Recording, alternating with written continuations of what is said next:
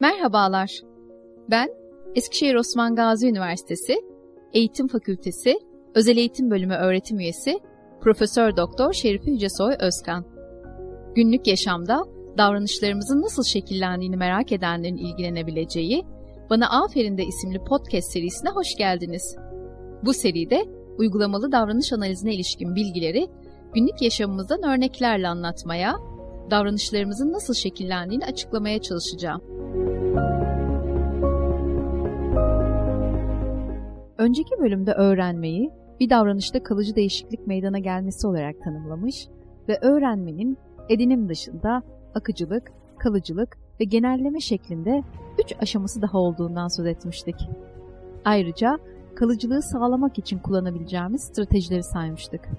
Bu bölümde de öğrenmenin genelleme aşamasını ele alacağız ve davranışları nasıl başka ortamlara transfer edeceğimiz üzerinde duracağız. Bir çocuk yeni davranışı doğru ve hızlı şekilde yapabildiğinde, ayrıca bir de yardımımız olmadan sürdürebildiğinde artık ona bu davranışı farklı durumlarda da yapabilmeyi öğretme, başka bir deyişle genelleme zamanı gelmiş demektir.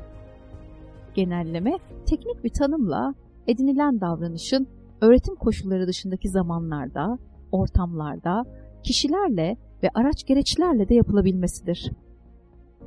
Öğrendiğimiz bir davranışı ihtiyacımız olan başka yer ve zamanlara da transfer edebiliyor ve kullanabiliyorsak o davranışı genellemişiz demektir. Ancak genelleme her zaman kolay değildir. Sizin de aklınıza, çocuğunuza ya da öğrencinize öğrettiğiniz davranışlarla ilgili olarak karşılaştığınız ve kimi zaman çok şaşırdığınız tutarsızlıklar geliyor mu? Evde okuyabildiği kelimeleri market rafında gördüğünde okuyamıyor. Çatalla patates kızartması yiyor ama peyniri yemiyor. Ya da yalnızca öğretmeniyle İngilizce konuşuyor. Tüm bunlar genellemede güçlük yaşayan çocuklarda gözlenen davranışlar olabilir. Aslında çocuklar yeni öğrendikleri davranışları çoğunlukla günlük etkinlikler sırasında genellemeyi öğrenirler. Ancak bazı çocuklar için bu transferin kendiliğinden gerçekleşmesi zordur. Bu nedenle genellemeyi sağlamak için aynı kalıcılıkta olduğu gibi genellemeye hizmet edecek çeşitli stratejiler vardır. Bu stratejilerden ilki öğret, umut et stratejisidir. Her ne kadar bir strateji olarak adlandırılsa da bu strateji kapsamında ayrı bir uygulama yapılmaz. Davranış öğretilir ve öğrenilen bu davranışın kendiliğinden diğer durumlara genellenebileceği varsayılır. Başka bir ifadeyle davranış öğretilir ve öğrenilen davranışın farklı durumlara genellenmesi umut edilir.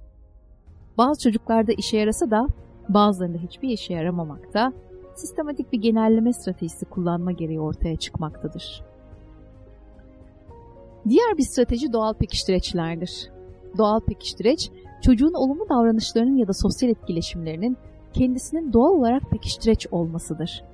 Pekiştireç, dış bir kaynaktan gelmez. Aksine davranışın kendisi ya da sonucu pekiştireçtir ve pekiştirme doğal şekilde gerçekleşmektedir. Örneğin bir çocuğun kurabiye kavanozunu işaret ederek annesine kurabi dediğinde kurabiyeye erişmesi ya da kumandaya basınca çizgi film kanalını açması doğal pekiştireçtir. Çünkü davranışın kendisi bir pekiştireçle sonuçlanır. Sosyal etkileşim ve iletişim davranışlarının çoğu doğal pekiştireçlerle kazanılır ve sürdürülür. Ancak her davranış doğal pekiştireçle sonuçlanmaz. Böyle durumlarda söz konusu pekiştireci bizim doğal pekiştireç haline dönüştürmemiz lazımdır. Örneğin çocuğa ayakkabı giymeyi öğretirken çocuk parka gitmeden hemen önce bu davranışa ilişkin öğretim yaparak parka gitmeyi, ayakkabı giyme becerisi için doğal bir pekiştireç haline getirebiliriz.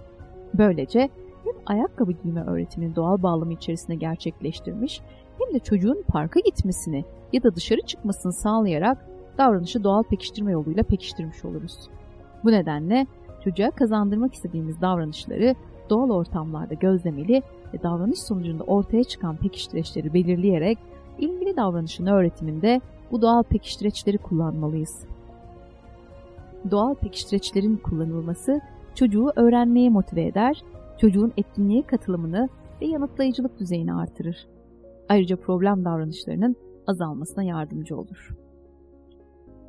Üçüncü strateji ardıl uygulamalar yapmadır. Bu stratejide öğretimin son oturumunda o davranış için belirlenen genelleme durumları test edilir ve gerekli görülen durumlar için sırayla öğretim yapılır. Örneğin öğrencimizin pet şişe kapağını açmayı öğrendiğini varsayalım. Son öğretim oturumunda ne yaparız? Öğrencimiz davranışı doğru ve bağımsız olarak yaparsa öğretimi sonlandırırız. Ancak ardıl uygulamalar yapmayı planladıysak son öğretim oturumunu genelleme oturumları için ön test gibi düşünür ve bu oturumda farklı özellikteki şişe kapaklarıyla öğrencimizi değerlendiririz. Mesela vakumlu kapağı olan şişeler, farklı kilit sistemi olan şişeler, farklı boy ve şekilde kapağı olan şişeleri açmayı öğretmek bu davranış için örnek genelleme durumları olabilir. Değerlendirme sonunda öğrencimiz için belirlediğimiz durumların sırasıyla öğretimini yaparız.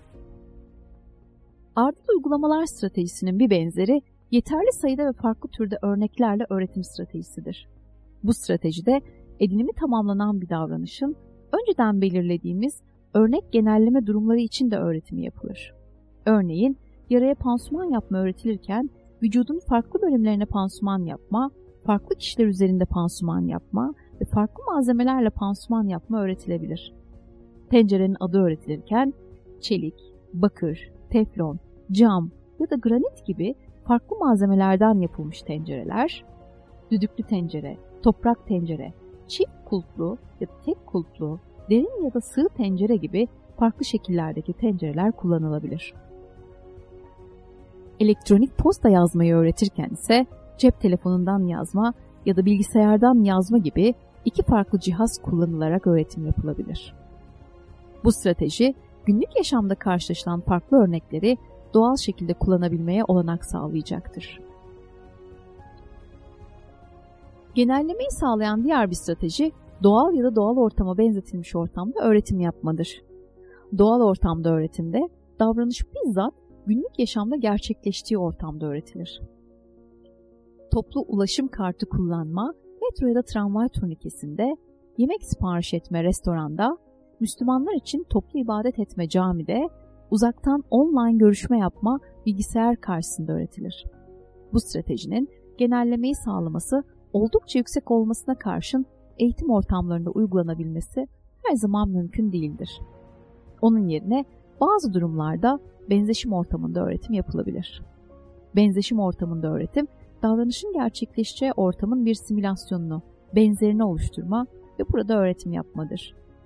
Okullardaki doğal afet tatbikatları, benzeşim ortamlarında öğretimin en yaygın kullanıldığı örnektir.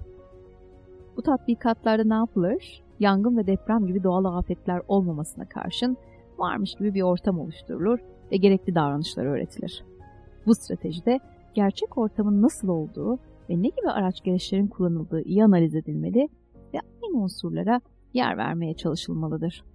Özellikle trafik kurallarına uyma, afetlerde uygun şekilde davranma, yabancılardan uzak durma ve toplumsal ortamlarda seyahat etme gibi kişilerin güvenliğinin sorun olabileceği durumlarda yaygın olarak kullanılabilir.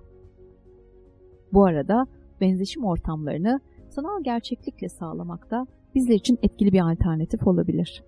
Dünyanın bir ucuna seyahat etmeyi, müzeye gezi yapmayı, gemi ya da uçak kullanmayı, uzayda dolaşmayı sanal gerçekliklerle deneyimleyebiliriz. Sayabileceğimiz genelleme stratejilerinden sonuncusu ise genellemeyi öğretmedir. Genellemeyi öğretmede öğret umut et stratejisinde olduğu gibi ayrıca bir öğretim yapılmaz. Onun yerine genelleme durumları oluşturularak edinilen davranış hakkında yönlendirme yapılır. Ayakkabı bağcığı bağlamayı öğrenmiş bir çocuk, pateninin bağcığını bağlayacağı zaman ona tıpkı ayakkabıda yaptığımız gibi sadece patenin ipleri daha uzun demek ya da puding yapmayı öğrenmiş bir gence hazır çorba yapacağı zaman aynı puding yapar gibi yap demek genellemeyi öğretmeye örnektir. Her ne kadar kalıcılık ve genelleme öğrenmenin son aşamaları olsa da çoğu zaman bunların nasıl kazanılacağı önceden planlanmalı ve uygun stratejiler kullanılarak öğretilmelidir. Hangi stratejilerin kullanılacağına ise öğrencinin ilgi ve tercihleri, eldeki olanakları ya da öğretilen davranışın özelliklerine bağlı olarak karar verilmelidir. Unutulmamalıdır ki eğitimin temel amacı edinilen davranışların günlük yaşamda kendiliğinden kullanılması yani günlük yaşama genellenmesidir.